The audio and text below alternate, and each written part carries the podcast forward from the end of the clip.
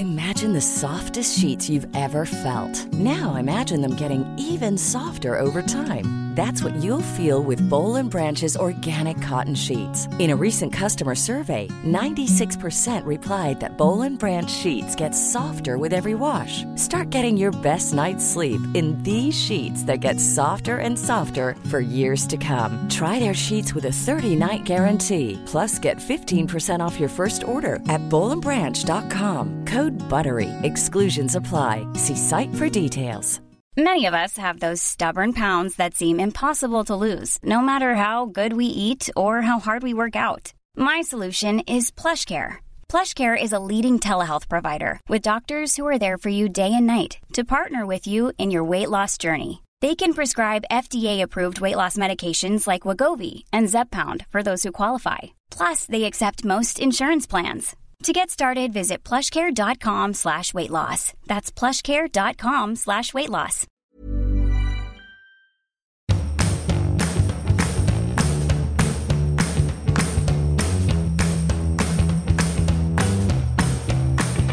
Ni lyssnar nu på Lille Lördag som kommer ta ett starkt grepp den här hösten om tv-serier. Och vi pratar om allt från dejtingsåpor till faktiskt riktigt goa tv-rullar att kolla på. För vi har ju en riktig tv-höst framför oss. Verkligen, och det här är hösten där jag inte ska vara ute och svira så mycket och eh, resa så här, utan jag ska sitta hemma och på min rumpa och kolla på TV. Just det, för det var ju nämligen så i våras att du hade inte varit ute på ett år under coronan. Nu ska vi se här. Sa tjejen som hade julfest. jag har inte varit utanför dörren. Det är superspridare. ja, det hade ju varit roligt. Mm, men välkomna, jag kommer också att berätta om en gotländsk räkskandal. Oj, oj, oj, oj, oj, oj, rafflande, rafflande är det. Ja, det är väl bara att göra så här helt enkelt. Spänn fast säkerhetsbältena för nu åker vi. Det är Lille Lördag.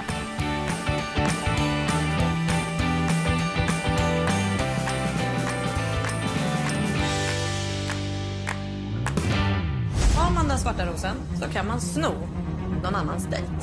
Det kommer att bli kaos här. Matilda S, hon skiter ju fullständigt i andras känslor. Hon har ingen empati typ. Kärlek är ingen tävling, men om du vill få tid med killarna här, då får du visa fram fötterna. Känns det som en desperat kvinnas eh, sista handling typ? Eh, ja, alltså för er som inte hängt med så är det alltså så i Bachelor att Matilda B, tror jag hon heter, har ju då tagit den svarta rosen. Den svarta rosen betyder att man kan knycka någon annans dejt. Men är det någonting nytt, måste jag fråga? För det har jag aldrig hört talas om. Ja, men jag tror faktiskt att det har varit med någon säsong, men det var ett tag sedan. Eh, och det här kommer ju det stora dilemmat då i Bachelor. Är det en tävling eller är det ett kärleks kärleksprogram? Tävling? Alltså nu har jag ju inte tittat lika mycket som du, men det känns ju mer som att det är en tävling. För flera av tjejerna säger så här, den första, eh, ja men Elin sa ju så här, den första av eh, Simon och Sebastian som kysser mig, den kommer jag välja. Ja, Exakt, och hon har ju nämligen åkt dit för att dejta Sebastian. Men helt plötsligt så dök Simon upp som en liten eh, ja, gubbe i lådan där för henne och hon Eh, kände helt plötsligt att det var helt värdigt att eh, ja, fimpa hennes kompis Elvira där i huset. Men hur är det med de här vänskaperna? Alltså det är mycket som ställs på sin spets här, för här ser vi ju liksom mänskligheten eller kvinnlighetens ytterligheter. Alltså masspsykos har ju aldrig varit så tydligt som ett program som Bachelor. Nej men jag tänker så här, det är ju en sån extremt omodern setup. Det är bara så här, skicka tillbaka liksom, det här gänget till så här, år tusen och... Eh, Peta in dem i ett harem. Ja, alltså det är ju ingen skillnad. Det är så här, den som... Eh, ja men den som är hetast är ju den som får leva. Alltså det är ju samma biologiska känsla tror jag. Survival of the fittest. Ja. Och, fittest och fittigast. Men då tänker jag ju så här för att den här, vad ska man säga, den här otroliga vänskapen. Vänskapen. Eh, vänskapen kan man ju känna med eh, personer när man är med om samma upplevelse. Att man så delar ett moment och lite så här tappar bort allt man har där hemma. Så här, vännerna man har hemma, de kommer inte förstå ändå. Det är vi två mot världen. Och sen så, men det finns ju bara ett dilemma som skaver i det här huset och det är att man ska behöva dejta samma kille. Precis. Och det ställer ju alla känslor på sin spets. Mm. Både moraliskt och, och liksom, eh, ja, relationsmässigt. Men sen kan det ju i och för sig vara så här att, ja, men det vet man själv om man har varit på till exempel en charterresa när man var yngre, att det kan vara två killar som man tycker så här, eh, båda är typ lika heta, vem bryr sig en semestermans? Kan, Ja. det, kan det vara så de känner att ingen på allvar tror att det här kommer vara så här den de gifter sig med och skaffar barn med, utan det är bara så här en rolig liten fling och man får uppmärksamhet. Och, och vill man ha uppmärk- uppmärksamhet så måste man ju hålla sig kvar så länge som möjligt. Men det, det är också så här att det är några av tjejerna som är liksom så säkra på sin plats på något sätt. Så då blir det bara att de andra blir så här, de avundsjuka fula ankungarna. Och nu säger jag inte fula ankungarna utseendemässigt, utan de tar ganska tidigt den rollen.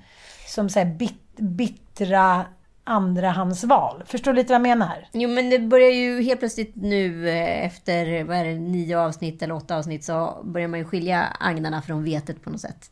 Eh, och man ser ju vilka som faktiskt är där för att träffa kärleken och eh, kanske också få en tv-karriär på köpet. Eller ett kändisskap. Och man ser ju också vilka som faktiskt bara är till för att vara en dramaturgisk utfyllnad från kanalen. Precis. Det är ju välkastat, det måste jag ju Ja, säga. det måste jag. Men eh, eh, om Men du, du, och jag, dejta- ja. Säg. Men jag tänker ändå så här, vi måste ju låtsas att vi är två av deltagarna. Ja. Hej, vi är två kvinnor 40 plus. Vi, kan, vi kanske skulle kunna vara såna här, vad heter det? Bachelor undercovers, bla bla bla. Nej, det kanske inte skulle kunna vara. Eh, men om, om du kom dit då, vem skulle du få the huts för? Gud, jag har bara verkligen tänkt på det där. Ja, men jag skulle nog välja Simon, det är mer min typ av kille. Även fast egentligen ingen av de där killarna ligger inom mitt spann. Så är det väl han som jag eh, liksom känner att jag blir mest attraherad av, så kan man säga. Men eh, jag bara funderar på vem jag skulle bli i det där huset. För det är ju liksom, det, är det som är så roligt med att sitta hemma i soffan och titta.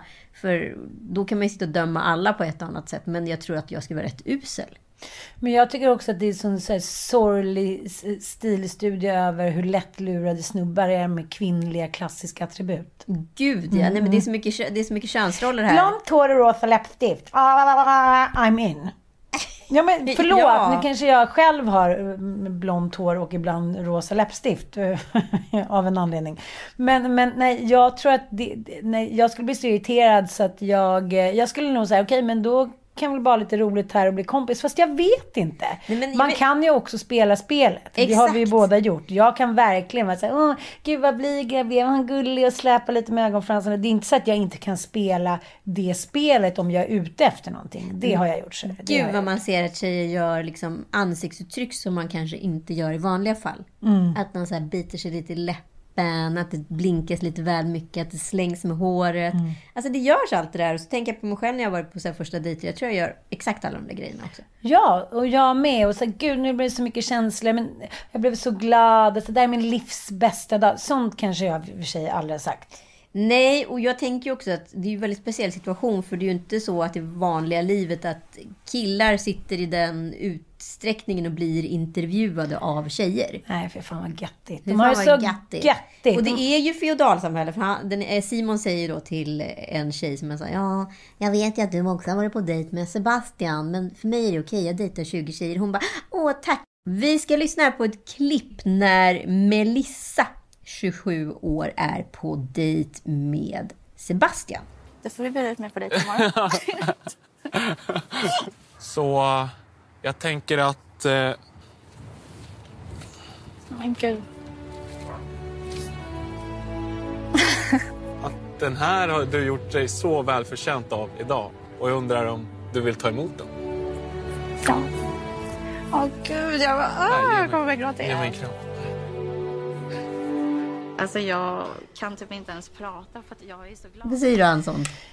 Jo men alltså, jag tänker ju så här, jag vill ju bara gå in och typ moffla in en våffla i hennes ansikte och säga så här, nej det här, du är en liksom driven kvinna, du driver en restaurang, du är en modern, svensk, cool brud. Det här är inte ditt livs lyckligaste dag. Men när man själv har varit på sådana här liknande såpor och delt, både deltagit och varit med liksom utifrån och jobbat med, så vet man ju hur snabbt man dras in i den då förmodade romantiska bubblan där man ska säga slåss om killen. Det är en ask, det är, man vill ju att det ska bli en Askungesaga och de som inte blir Askungen är ju Askungens elaka systrar. Det är ju hela jävla upplägget. Ja, absolut.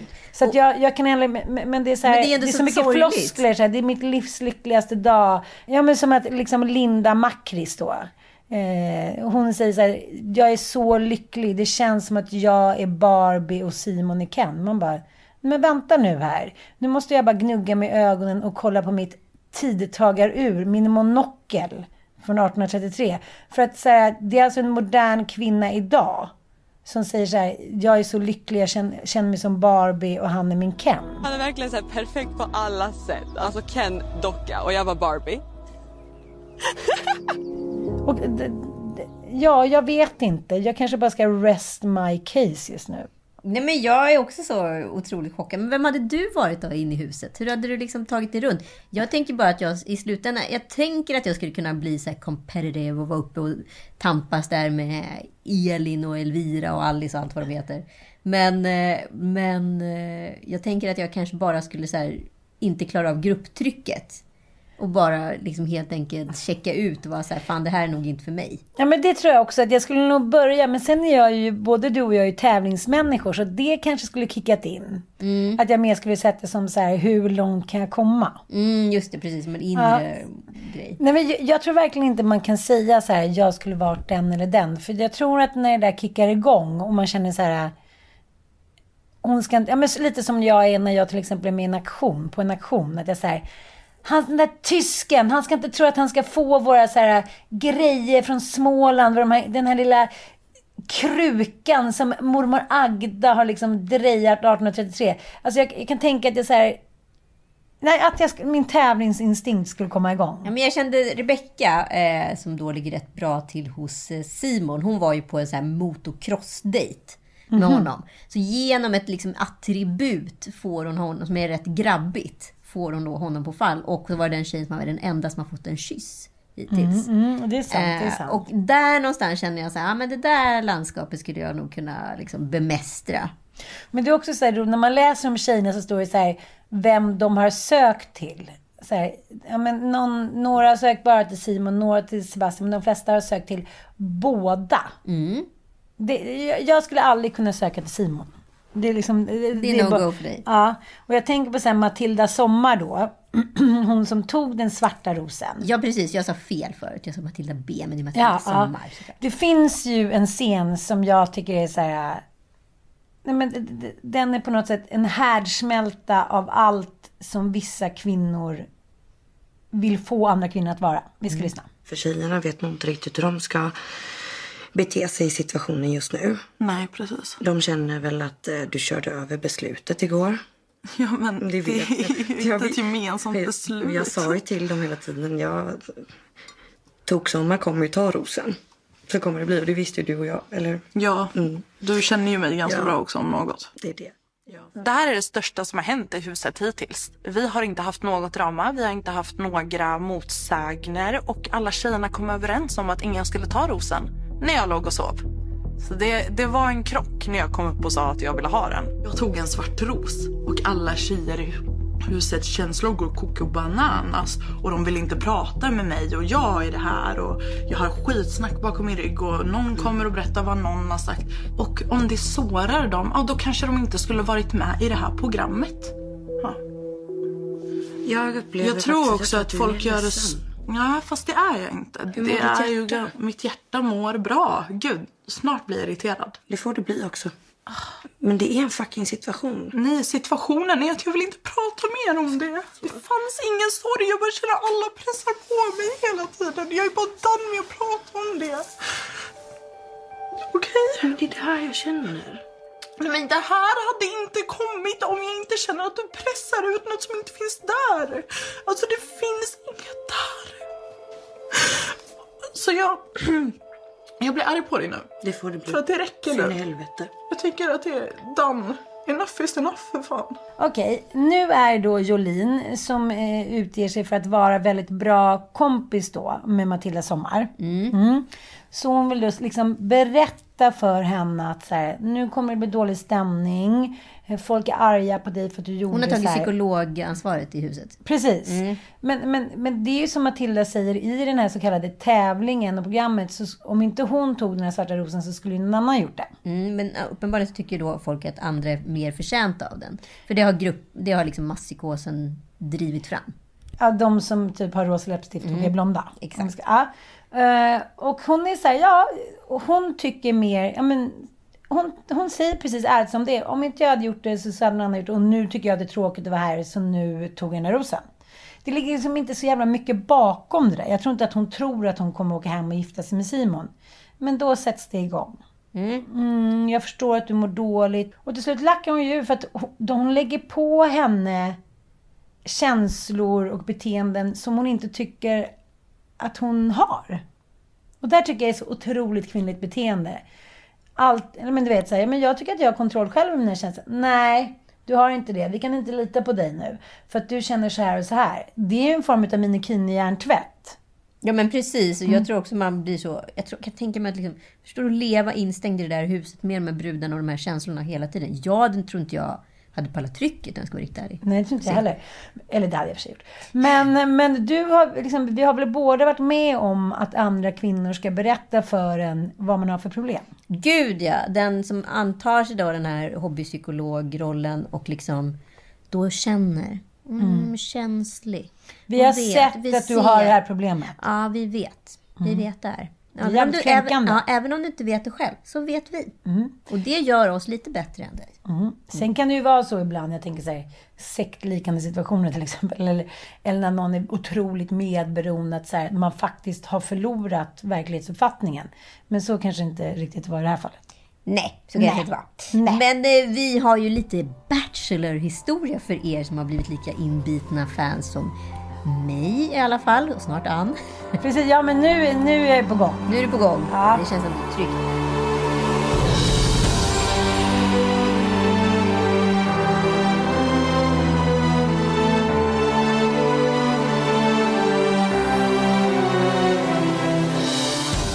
Och den första Bachelor, den är faktiskt hela 19 år gammal. Den spelades alltså in 2002.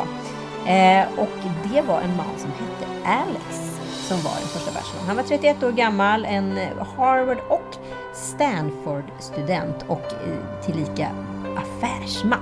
Förr i tiden så var ju Bachelor, det var ju liksom tv- tvång att killarna och tjejerna som var med i serien skulle liksom vara svinrika och framgångsrika. Väldigt amerikaniserat för att det är det enda måttet på lycka i USA.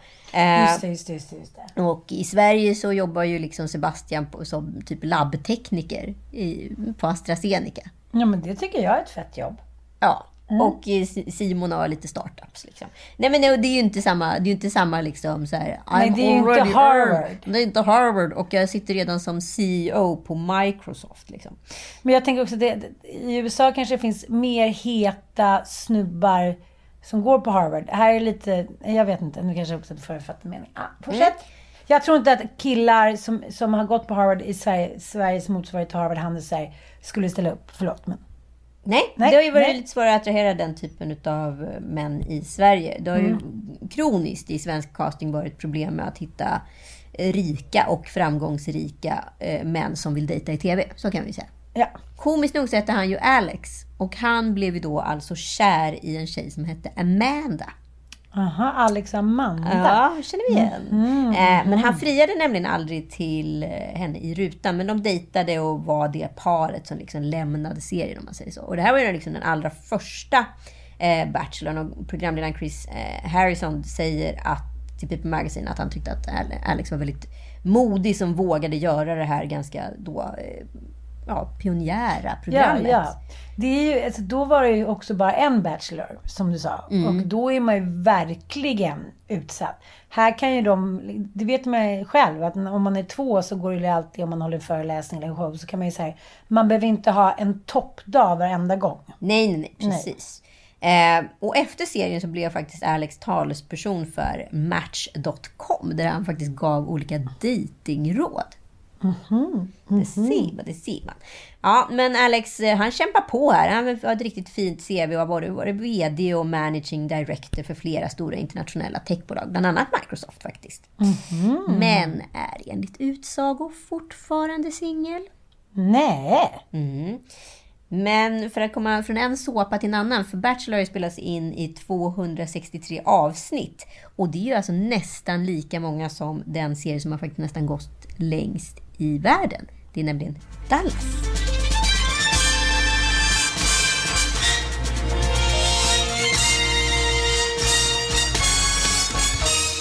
måste ju säga att det här är den första såpan med de så här klassiska, nuvarande, ska jag säga, moderna attributen.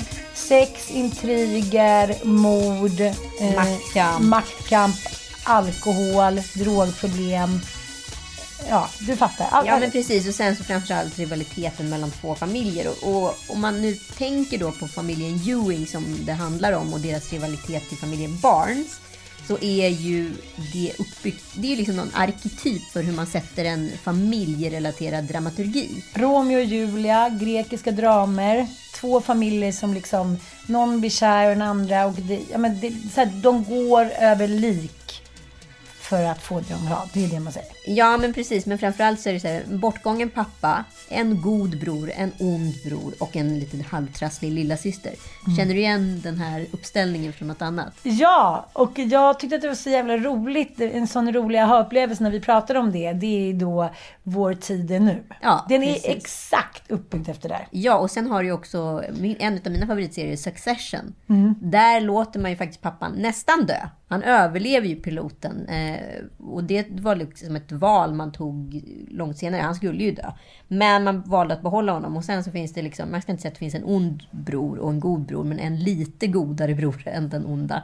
Och sen finns det en rätt stökig lillasyrra eh, som seglar upp och är liksom en, ja, en avgörare i spelet så att säga. Om familjeegendomen. Och Succession påstås ju då baseras på Murdoch-familjens eh, rikedom och mediebolag. Mm, mm, mm. Det kan man ju tänka sig. Det är, här, det är dumt att gå liksom, eff- ja, men, över ån efter vatten. Det kan man ju verkligen säga. Mm, Den är inspirerad av det. Will Ferrell är en av producenterna. Men den personen som skapade Dallas heter David Jacobs. Och han eh, kom ju från en tidigare liksom, western eh, liksom, genre. Där han har gjort liksom, mycket westernfilmer. Och han tog in regissören Gunnar Hellström. Den svenska regissören som är skolad vid Dramaten.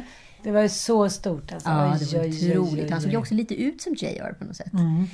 Och han eh, hängde ju i Sverige ett tag och gjorde rätt, rätt mycket scenföreställningar. Och sen så flyttade han på 60-talet över till Hollywood. Och där regisserade han bröderna Cartwright och McKayen. Så det är möjligt att det är där han och David Jacobs träffade varandra.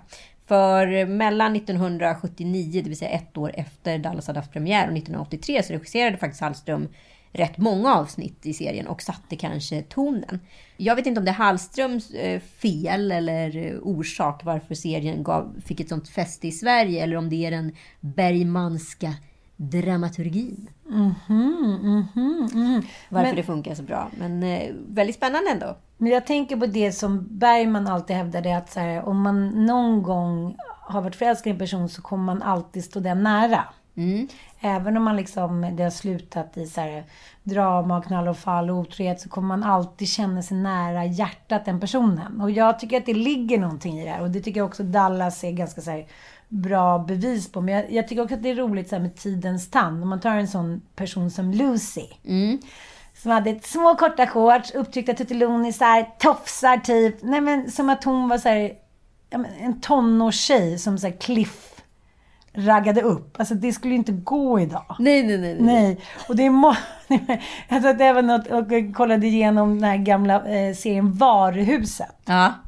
Och då var det alltid arketypen att det var en elak Tantalora. Mm. Och så var det ju mycket så här, Dynasty Dallas, det var någon riktigt ond jävla satmara. Mm. Men då är det också vissa karaktärer, som min favoritkaraktär är Rickard.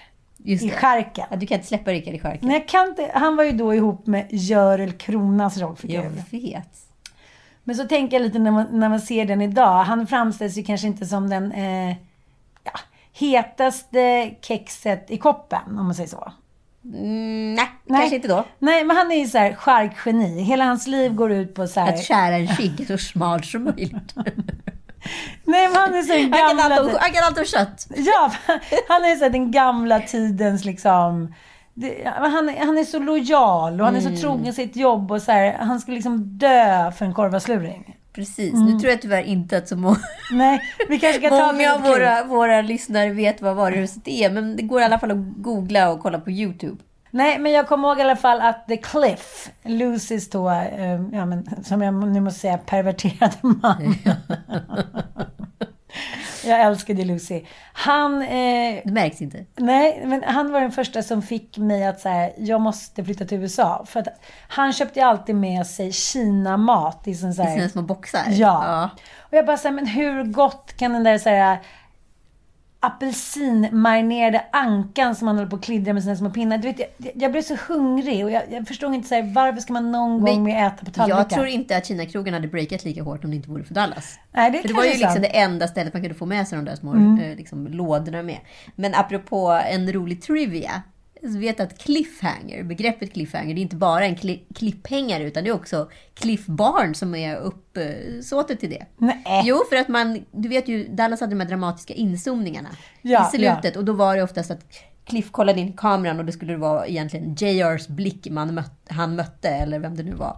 Och då blev det liksom en cliffhanger, för nästa avsnitt börjar ju då i den scenen där den slutar. Så det Mhm. instiftades liksom i Dallas. Det hade jag ingen aning om. Jag tycker att det var så roligt att, att eh, han som spelade Bobby Ewing, Patrick Duffy, tyckte han var så het. Alltså jag tyckte han var så snygg. Han var så här... Ja, men han var som pappan på Lilla huset på prärien. Han var både liksom sexig, varm, kanske inte jätterolig, men, men han var liksom the good husband typ. Sånt ja. jävla... Och var då gift med eh, Pamela. Mm, och, hon, och jag fattade aldrig hur Pamela fick det där håret. Jag fattade inte att de gick och gjorde blow dries i USA långt innan vi ens visste or, eh, hur ordet stavades. Nej, riktigt bra frisyr. Och den hade ju även hon ehm, i Dynastyn. Jaha. Blonda. Jaha, Eh, Linda Evans. Linda Evans. liksom Crystal Channing. Crystal Channing. Alltså det satt som en jävla klistersmäck. Det var ju en så, sån frisyr som Diana Jag hade kommer inte också. ihåg Melissa i Falcon Crest då. Med hennes jävla eh, latinolockar. Och jag var så här. Jag vet att de har lockigt hår de där tjejerna, men de där lockarna ser inte ut som mina. Jag fönar jag fönar jag fönar och ingenting Mm. hände. Nej, blow dry. Blow Best shit dry ever. och locka efter. Men jag kommer ihåg också att det Här här... igen hela min förlorade ba- Dallas-barndom nu för tiden. Varje vecka va? Varje vecka. Nej, men de, de var snygga och eh, jag kommer ihåg att det var första gången som jag såg en, liksom, en kvinna då skildras att ha problem med spriten. Just det. Och det var så starkt för att hon, hon var ju en uttråkad hemmafru då. Eh, Men jag tror liksom inte att den där bilden blev direkt bra. För hon blev ju liksom en, hon blev ju liksom en arketyp för en dålig kvinna under rätt många år. Fast hon skulle egentligen göra ett ganska känslomässigt Mm. porträtt utav en uttråkad hemmafru. som hade en douche, otrogen Douche douchebag till snubbe. Ja, Men det blev liksom, i och med att landskapet såg ut som det gjorde för kvinnor på 80-talet så blev hon liksom paria. Men det var ju också innan eh, lådvinet, eh, lådvinet, innan boxarna. Så då var det så här, det var inte att man hällde upp ett, eh, liksom ett glas vin, utan man hällde upp en drink.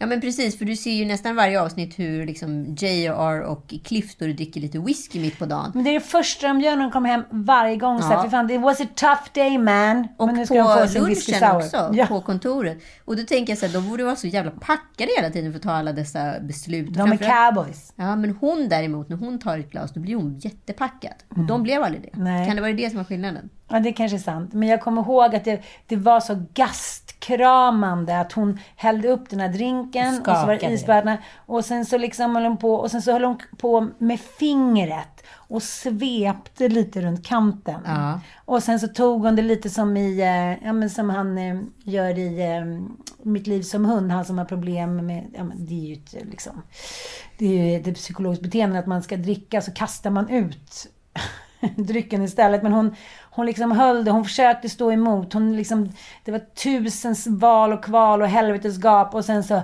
till slut tog hon den första klunken och då liksom... Stillades allt. Ja, hela hennes ansikte lugnade sig. Jag kommer också ihåg Kanske inte hur... jättebra införsäljning av alkohol. Nej, jag kommer också ihåg hur hon drack i bilar. Jaha. Det var ju ändå radikalt. Det kommer inte jag. Nej, men hon drack ju drinkar då. Hon åkte ju ut och, typ efter en shoppingrunda och så öppnade hon typ en sån här alkoläsk. Jaha. Och Det var första gången jag blev introducerad för begreppet alkoläsk. Man bara säger va?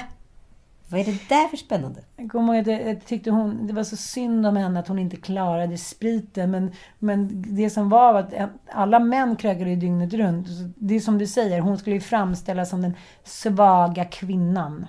Nedbruten av den här cowboyen. Ja, men till slut i alla fall, han då, eh, JRs bror, den gode.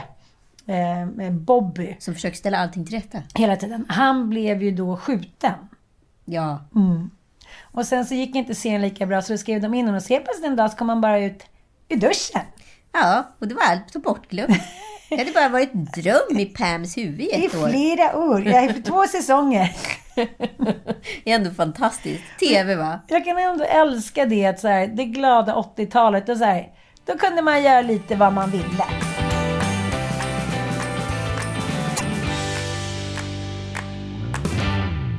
Nej men eh, jag och två av mina kompisar eh, gjorde en snabb sorti från Stockholmsvimlet och satte oss eh, faktiskt på ett flyg till Gotland. Så vi flög- Gud vilken chock! Du som aldrig är ute och åker till Gotland. Vad fan händer? Jag vet, men jag Gudarna tänkte- måste vara tokiga. Ja, men min Gotlandstarmen sög. Så vi åkte dit. Ja, men du vet, det första vi ser på, på flyget är då Thomas Bodström. Mm. Den gamle politikern eh, som har varit ute lite i, i kylan. Han skulle leva ett göttigt liv. Han skulle nu bli Stockholms lands... Heter det landshövding? Det heter det va? Han skulle liksom köra tio sköna Ulf Adelsohn-år och sen liksom gå pensioner. Men det fick han inte för han gjorde en reklamfilm för Allras. Han satt med i eh, ledningsgruppen Och i också. styrelsen också. Mm. Så att, eh, när, det, eh, när de häktades så försvann också Thomas Bodström ut i kylan. Så att, eh, ja, tyckte lite synd om honom. Han skulle ner till Fårö, där har de hus. Mm. Och vad har det med räkor att göra? Ja men hur som helst, eh, vi har, vet att vi har liksom 40 glada timmar på oss och dessa, detta ska maxas. Vi är hemma hos min kompis, de har ju en gård där. Eh, vi kommer till affären, vi handlar liksom för 5000 kronor. Det måste ätas tydligen väldigt mycket. Och eh, Anna då, hon har inte käkat några kräftor i år, så hon vill då käka kräftor. Och jag var så här, efter jag var på min kräfthelg här för några veckor sedan så kände jag så här, det är svårt att äta de där små asgamorna som är så här, äter på varandra, äter på... Nej, efter jag sett dem i burarna så är jag, det är lite stilla, min känsla för kräftor. Det är lustigt sånt där. Mm. Ja, ja, absolut. Jag hör dig, jag hör dig. Men har du aldrig känt något sånt att du har fångat någonting som du sen ska äta och sen kan du aldrig, eller sett hur det går till och sen aldrig mer kan äta det? Eh, jag var med eh, som liten på en styckning utav en älg. Eh, ja, jag åkte skidor på landet. Mm. Och då åkte jag förbi liksom en lada och där stod det massa jägare som precis hängt upp en liksom fet jävla tolvtaggare i taket.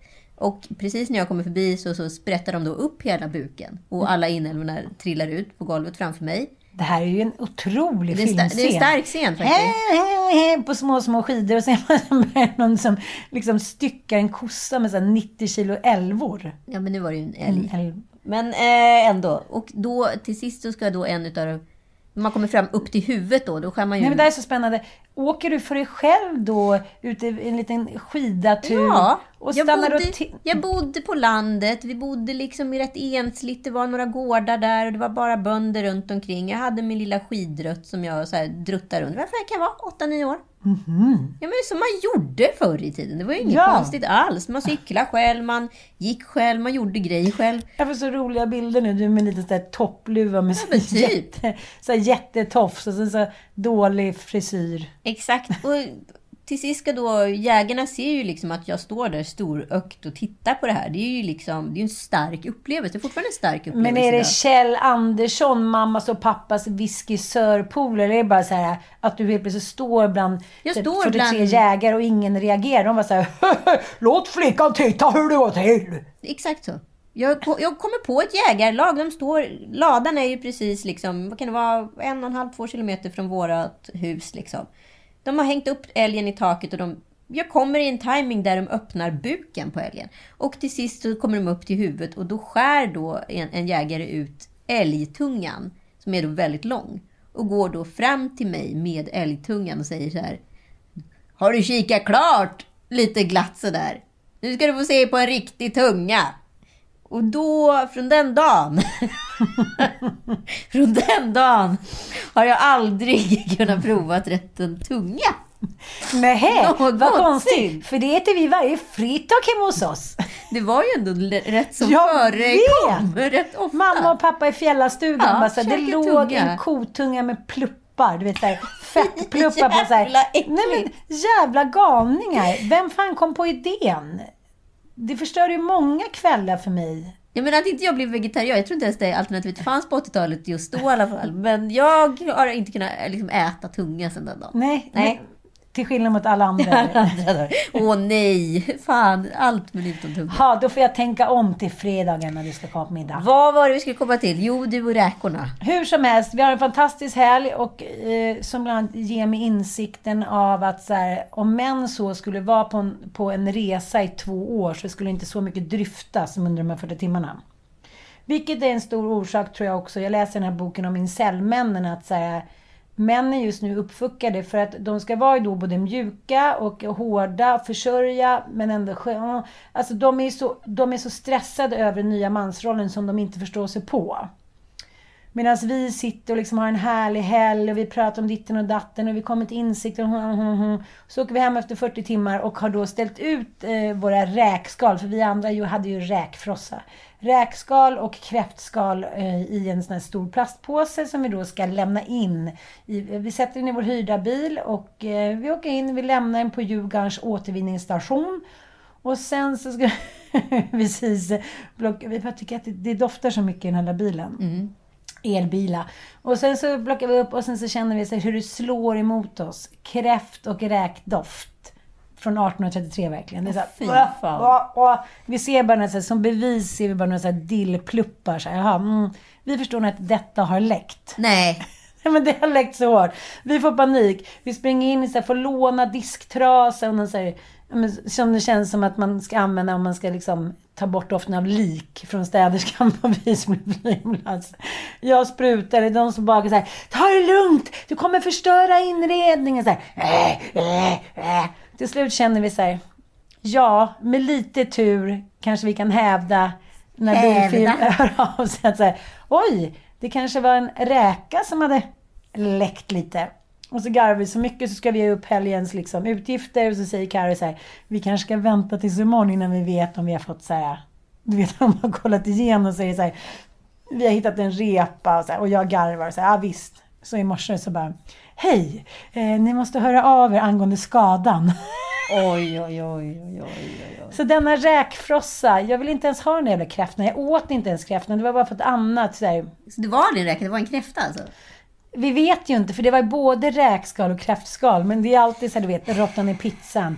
Hon fick höra att hennes man varit otrogen. Då åkte hon över till älskarinnan som var på Gran Canaria i tio dagar och la en påse med kräftskal. Och nu förstår jag varför. Jävligt bra. Men jag har pillat in eh, räkskal i så här gardinstänger och sådär. Det funkar ju. Har du? det luktar i satan. I gardinstänger? Ja, du vet de är hå- ihåliga såna här. Ikea gardinstänger. Så man bara tar bort ploppen. Så kan man pilla lite räkskal där. Det är världens bästa så här, när man blivit dumpad eh, grej. Nej, men alltså, det är så mycket som händer med dig och ditt liv nu som du bara ska spatsera förbi. Som du ska simma förbi. Jag tror vi har pratat om det förut i podden. Nej! Jo! Att du har stoppat in räkskal i någons... Ja, jag fick tipset utav en eh, väninna. När jag var riktigt försmådd, blev, blev bedragen och var arg.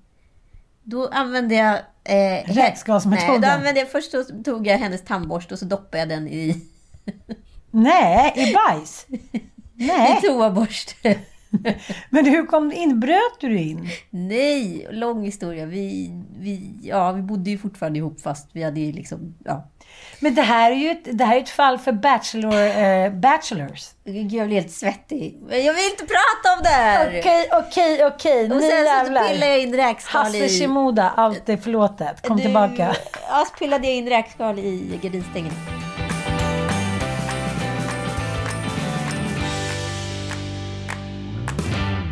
Oj, oj, oj, oj, oj, oj. Vi har alla varit kaninkokerskor. Och en annan kaninkokerska. Ser du vilken fin brygga jag fick till Ja, nu? det var så Oj, fint. oj, Du, oj. du står i brygga. Jag står också i brygga som Marsha gör. Ni som följer mig och tycker att det är roligt att hänga på i sociala medier vet ju att jag numera är besatt utav tv-serier som finns att se på Amazon Prime. Nine Perfect Strangers. Eh, som handlar egentligen utav om Marsha som är en rysk guru och grundare utav självhjälpscentrumet Tranquillium. Där eh, ett gäng olyckliga själar med varierande ilandsproblem kommer och gästar. You here for the 10 day retreat, Us 2.0? I certainly am. Apparently, I'm in need of some fixing. She picked nine people who needed to be in a place where they would try anything she wanted. Have you all gone mad?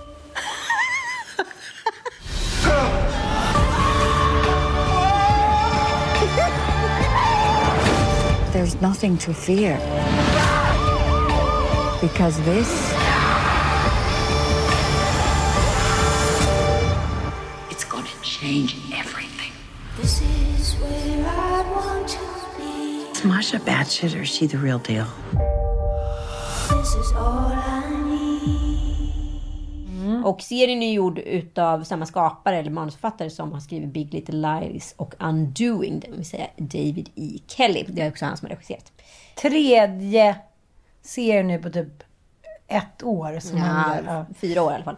Eh, men det som kommer till centret då, de ska ju försöka komma i rätta till sina liksom, själsliga liksom, dilemman och inre demoner. Och alla är ju, visade sig efter ett tag vara handplockade utav Marsha.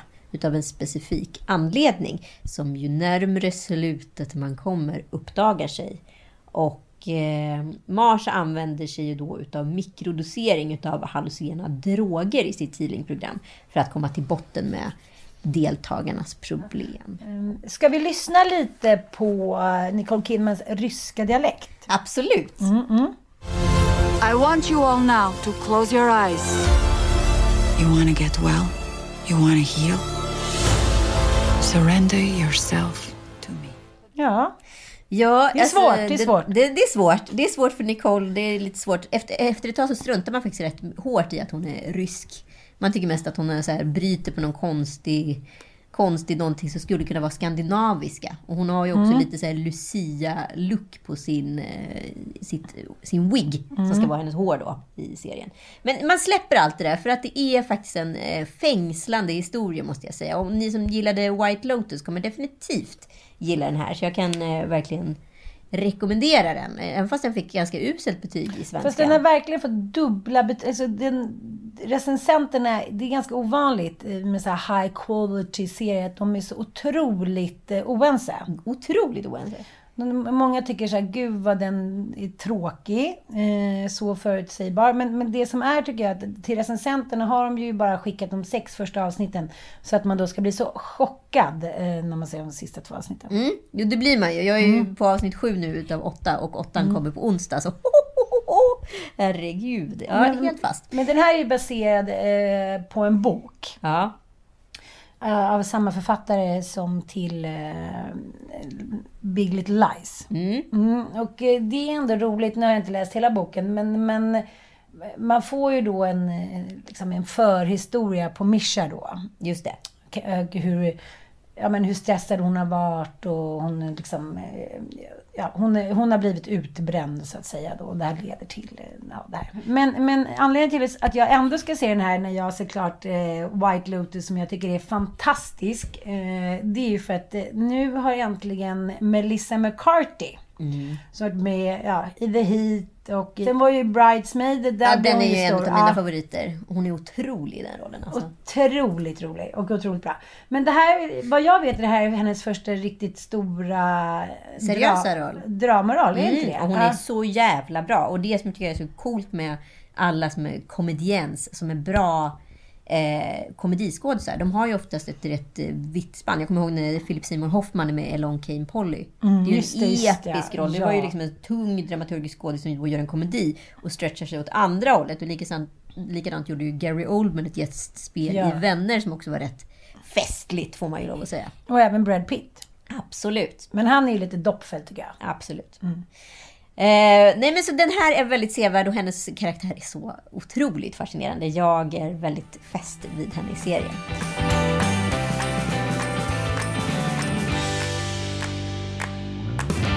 Men eh, till andra personer med dilemman så har vi faktiskt startat en liten halvny grej här i podden. Att den kommer ju och går lite då och då, men nu tycker vi att vi kanske ska slå fäste på det här. För både du och jag får ju rätt mycket DMs, Mm. alltså direktmeddelanden på Instagram om olika kärleksdilemman. Och nu har vi faktiskt ställt frågan rent rakt ut. Eh, och vi tänkte att vi skulle besvara ett par. Det är inte bara kärleksdilemman, det är också så här, min mamma tycker, förstår inte hur olycklig jag är hit och dit. Och sådana frågor tycker jag personligen är svårt att svara på eftersom jag inte riktigt har det mandatet. Nej, det har väl egentligen ingen av oss. Men om Nej. man nu tycker att eh, man vill eh, låta oss spekulera i det här så då får det vara på egen risk så att säga. Ja, ja, för vi, vi vill inte ånyo att eh, ett män, äkta män ska av sig till oss och säga att deras fruar har lämnat dem efter tips. På grund av Kommer du ihåg det älskling? Okej, så att ni får ta det här lite... Alltså vi tar det här otroligt seriöst, men don't sue us. Nej, precis.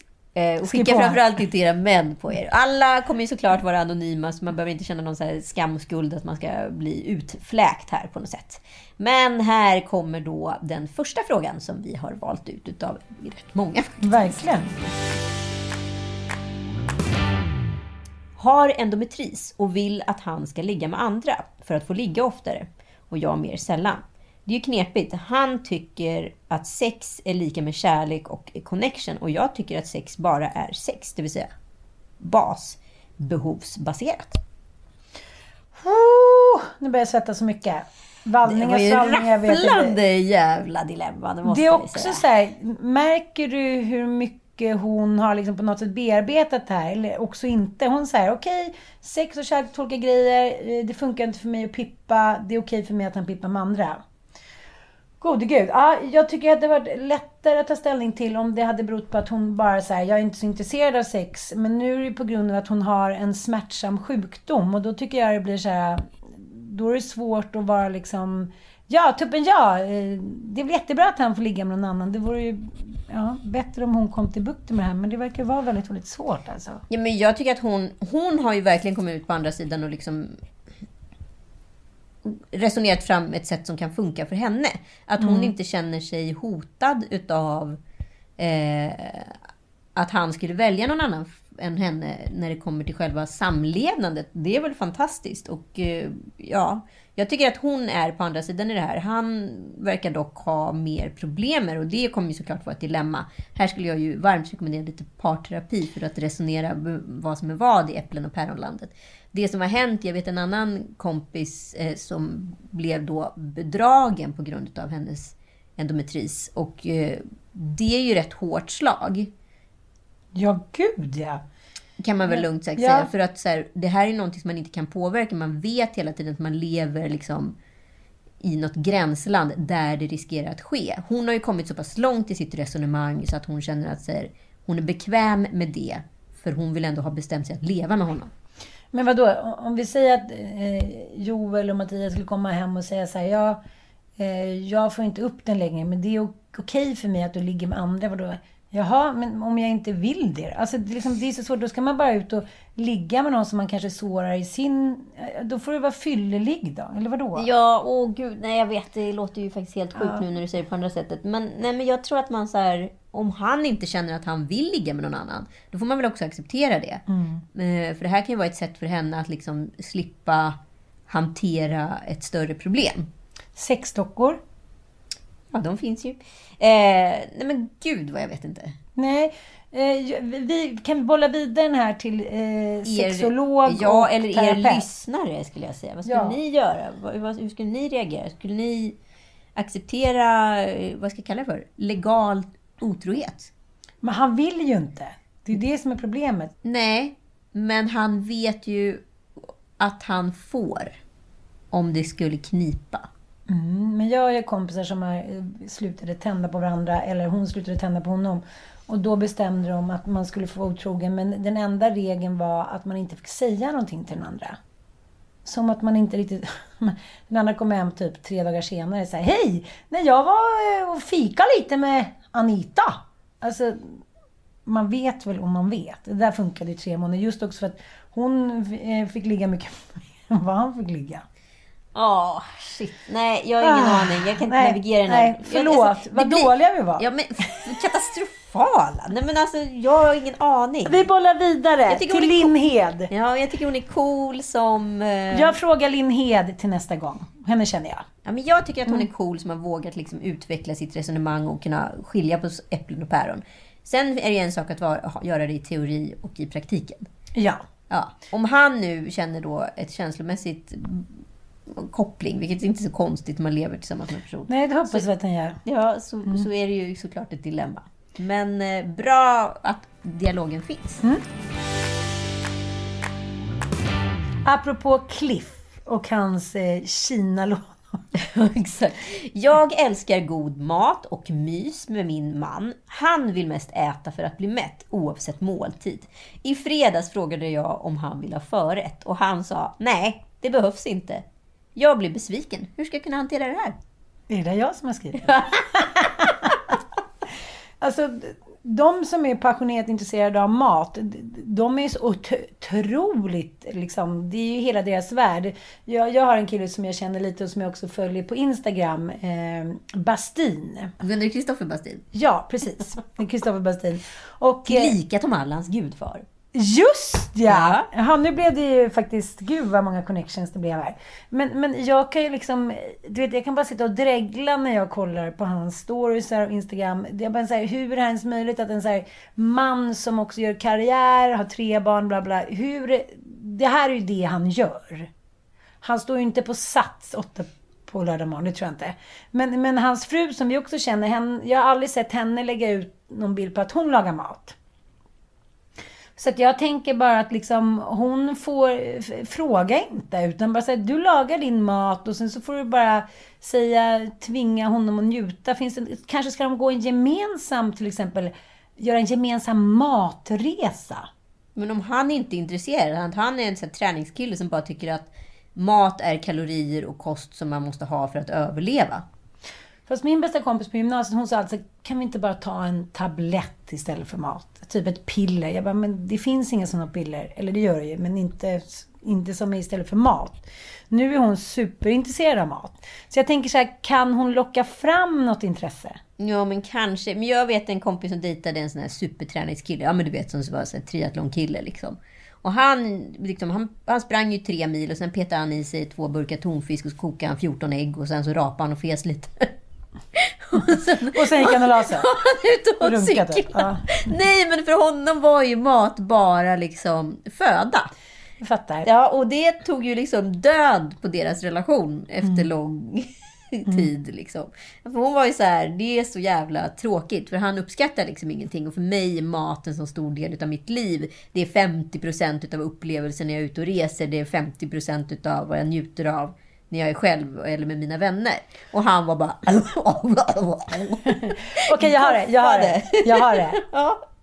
Jag har det älskling, jag har det. Nej men så här att eh, män eh, är väldigt lätt att eh, locka till eh, saker som de är intresserade av om man kittlar dem med deras fåfänga.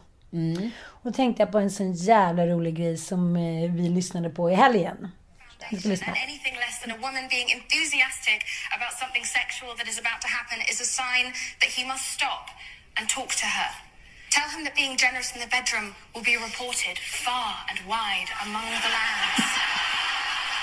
Because we tell each other everything, and his name shall become legend among us. Eh, det här var ju Jamila Jamil som har eh, en podcast som heter Way.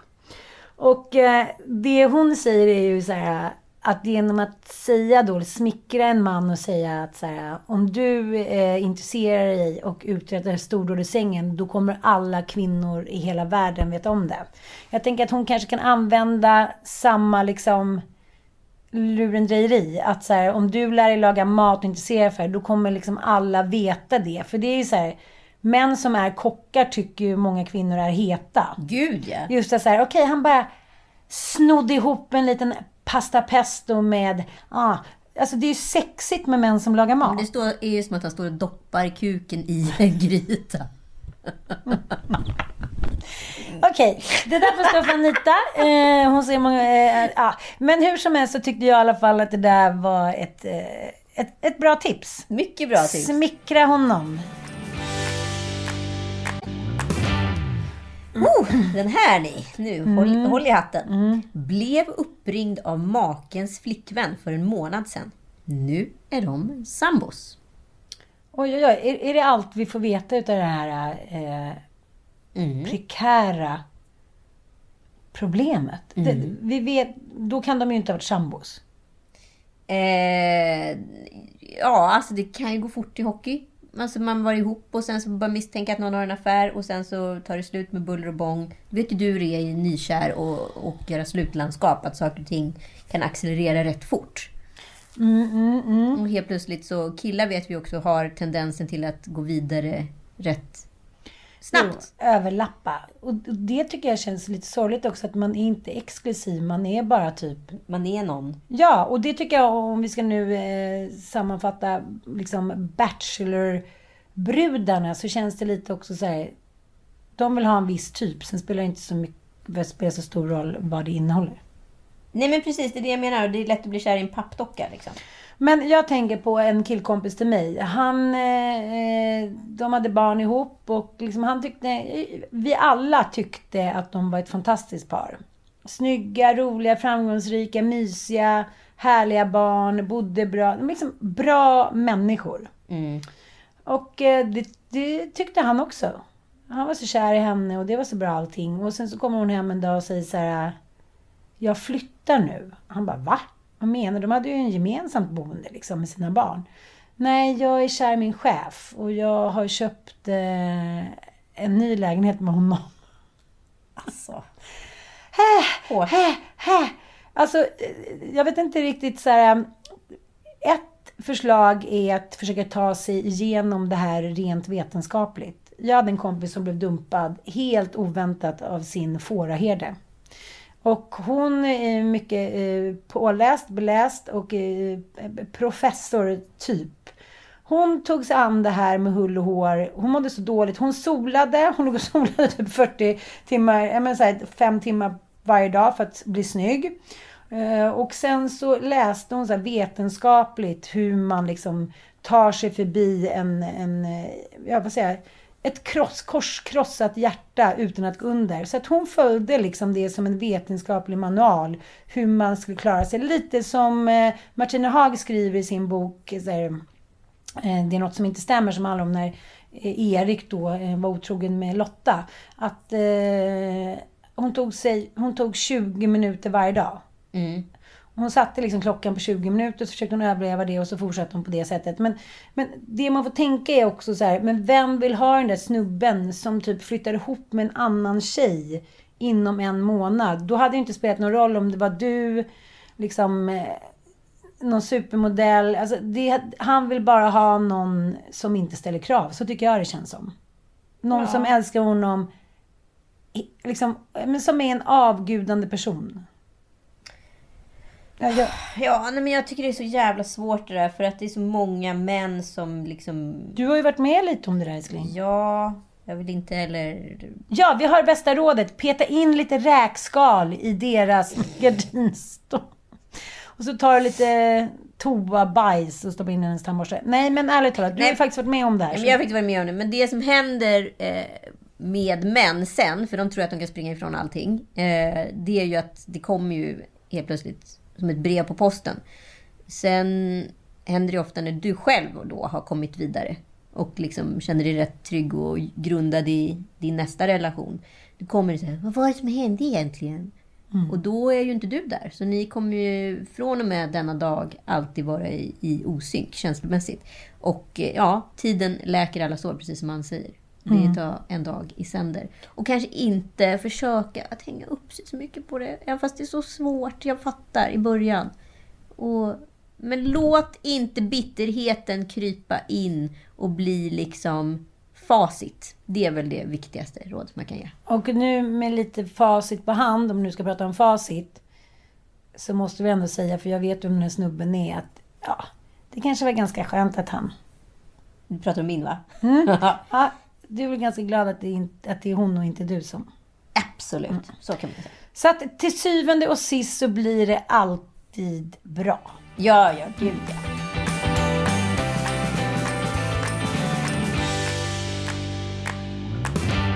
Några som kanske däremot är på en rebound efter förra veckans heta spekulationer och det har väl tisslat senaste månaden. Det är ju ändå Kim och Kanye. Kim Ye. Jag är ju mer intresserad av J Lo och ehm, Bennifer. Benny. Ja. Ja, nej men eh, jag, du, de, jag tror liksom att Bennifer fick för mycket syre för Kim Kardashian och att hantera. Ja, det är en rolig spaning. Det Ja. här blir liksom too much. Det blev too much för henne, så hon var ju tvungen att visa vem, var skåpet ska stå och vem pressen ska fokusera på. Och detta då tillsammans med, det är kanske därför helt enkelt hon då har gjort en eh, reunion med Kanye i lanseringen utav hans nya album Donda. Och för er som inte vet vad Donda betyder så är det alltså namnet på Kanye West då avlidna mamma. Hon dog ju för ungefär tio år sedan när hon gjorde en bröstförstoring. Eh, och det här har ju liksom någonting som har påverkat Kanyes skivsläpp efter, efter det. Eh, inte Kims operationer nej, Nej. inte Kims operation utan bara någonting som har Jag har ju med- lyssnat på den här, delar av den här eh, släppet. Ja.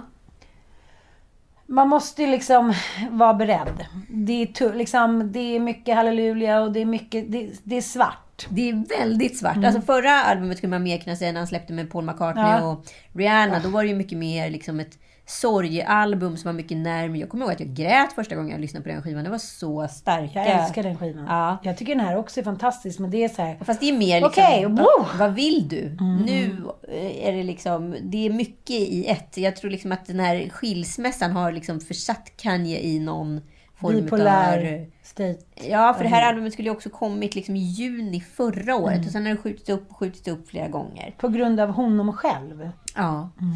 Eh, och i lanseringsvideon till låten I am God eh, så själv antänder ett kapell och där inne sitter en svartklädd man som ska föreställa Kanye. Vi ska lyssna lite. Did those ideas ever really come to life? Make it all come to life. Make it all come to life. Praying for a change in your life. Ja, eh, den här mannen brinner då alltså upp men reser sig och går ut ur lågorna. Och då har det ju då spekulerats ganska friskt om, är det här någon återuppståndelse? Är det en återuppståndelse av honom själv? Tror han att han har blivit Gud? För i första liksom scenföreställningen för Donda, då lyfts ju han upp och plockas upp i himmelen. Så att, är det Fågel Fenix eller är det liksom Jesus himself? Ja, och det, det är lite svårt att veta. Eller det här liksom för att Kim kommer helt plötsligt också in som någon helt svartklädd brud. Och det har vi också sett då bilder från Met-galan. Att hon dök upp då helt klädd i svart i Balenciaga och svart huvud var det ju många eh, som gjorde sig roliga och sa så här, ja men så här har ju islamska brudar under IS-styre sett ut i alla år. Det är väl inget konstigt med det. Eh, ja, det var ju kanske inte så att de har en bodysuit då, som Kim har för att visa upp sina kurvor. Men det här albumet är också superkontroversiellt för han samarbetar bland annat med Da Baby som är en rappare då som har blivit anklagad för homofobi i sina texter och även medproducent är ju då Marilyn Manson eh, Eh, som varit drevad i metoo. Och eh, West påstår också i det här albumet under några raptexter att, att eh, slaveri det var ju någonting självvalt. Och det har också varit en väldigt kontroversiell textrad. Jag antar att han menar en metafor för att man kan vara förslavad. Men det kanske inte flög helt. Nej, det kanske inte gjorde. Eh, men jag, jag tänker att så här, det här är ju en, en man som har diagnostiserats med bipolaritet och nu på något sätt ska göra upp med sitt liv. Eh, ett ganska rörigt liv. Det, det var ju ganska rörigt det sista året. Det kan vi säga. Mm, mm. Och eh, ja, jag vet inte liksom vad, vi, vad conclusion är, men jag tänker också på en annan film som har kommit nu om Lena Nyman. Just det. Den dokumentären och... Eh, Hon var ju en kvinna som hade trivts bättre idag, så kan vi säga. Precis, och hon säger två saker i... Hon, hon lämnade efter sig typ så här 121 plastkassar, dagböcker hit och dit om sitt liv. Mm. Och eh, Vilgot Sjöman som då gjorde de här liksom, filmerna Nyfiken gul och Nyfiken blå som då satte den svenska syndiga kvinnan på kartan. Mm. He- Helt orättvist tycker jag eftersom det, ja, det var ju männen då som tyckte att ja, hur som helst. eh, Nyfomanen Anita med Stellan Skarsgård bland annat. Nej men det är så jävla sorglig, det är en fantastisk eh, ja, men dokumentärfilm. Det är så jävla sorglig historia över hur hon då, eh, för att hon kan få eh, liksom, ja. Av Vilgot då så, så säger han så här, men jag vill, skulle vilja att du provspelade för en roll. Men, men i, rollen är då anemisk. Hon är liksom anorektisk och väger 20 kilo. Och eh, Lena Nyman var ju ja, men, en, en vanlig tjej. Varken liksom, ja men, ja. Såg ut som en, vilken tjej som helst. Och hon insåg att hon inte var då anorektisk när hon provspelade skulle hon aldrig få den där rollen. Och det var ju liksom startskottet på typ, ja men du vet 50 års självhat, bantning, tablettmissbruk, bla bla bla. Och sen då när Nyfiken gul och Nyfiken blå kom så skrev ju flera av recensenterna så här, fan vad tråkigt det var med den där ointelligenta kroppen, det där feta arslet, bla bla bla. Det är liksom horribelt hur manliga recensenter liksom på den tiden. Men sen så kan man ju kolla på recensioner nu och då är det mycket så här hur kvinnor ser ut, hårfärg, storlek bland annat. Så att det- som är sorgligt med insikten när man ser den här fantastiska filmen om Lena är ju också att så här, inte så jävla mycket har hänt. I senaste L till exempel så är det ju en artikel om så här, ja, men kändisarna med typ sämst frisyrer. Där man då ingående eh, berättar om eh, till exempel Britney Spears eh, dåliga hår. Och då blir man så här, okej, eh, vänta nu, är det någon som måste berätta någonting om den psykiska ohälsan och vad det gör med människor? Det är ju det första som, som händer, att man inte orkar ta hand om liksom, men sin, eh, sin renlighet. Vi ska inte glömma bort att många av de som jobbar inom just kanske, det låter ju klyschigt, verkligen, väldigt många har ju inte den bakgrunden. Men många som jobbar inom tidningsvärlden har ju också tuffat runt sen Veckorevyn på Jo, det glada jo, det är sant, 90-talet. det är Och då, hade man ju också rubriker så här, Vem är Sveriges bästa n-ordet? Mm, mm, mm. Eh, så att det, det är ju svårt att lära gamla tidningskvinnor att sitta. Kan Mm. vi säga så? Ja. För att man har liksom i, inprogrammerat i sig någon form av kvinnoförakt. För det vet man skapar löpsedlar och det skapar rubriker och Mm. det väcker känslor. Och eh, det är också väldigt tydligt i, i, i Bachelor, Bachelor att så här, ja, man eh, som Elin som sitter då helt eh, liksom skamlöst och säger att så här, de andra tjejerna är inte i samma klass som hon. Hon gillar tjejer som är snygga och bryr sig om och som är hot girls typ. Mm. Med Ja, det... med det sagt så kan vi bara säga att så här, 2021 kanske inte är så framskridet som vi alltid hoppas på. Mm. När vi hela tiden vill kasta oss tillbaka till någon form av arketypisk grotta för Mm. Allt är kvinnornas fel.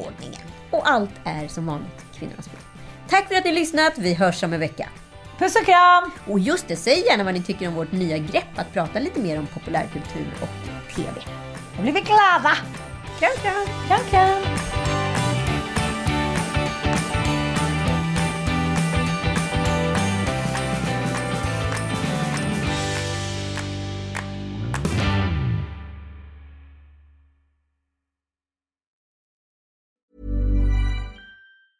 Planning for your next trip? Elevate your travel style with Quince. Quince has all the jet setting essentials you'll want for your next getaway, like European linen, premium luggage options, buttery soft Italian leather bags, and so much more. And is all priced at 50 to 80% less than similar brands. Plus, Quince only works with factories that use safe and ethical manufacturing practices. Pack your bags with high-quality essentials you'll be wearing for vacations to come with Quince. Go to quince.com slash pack for free shipping and 365-day returns. Imagine the softest sheets you've ever felt. Now imagine them getting even softer over time. That's what you'll feel with Bowl and Branch's organic cotton sheets. In a recent customer survey, 96% replied that Bowl and Branch sheets get softer with every wash. Start getting your best night's sleep in these sheets that get softer and softer for years to come. Try their sheets with a 30-night guarantee. Plus, get 15% off your first order at bowlandbranch.com. Code BUTTERY. Exclusions apply. See site for details.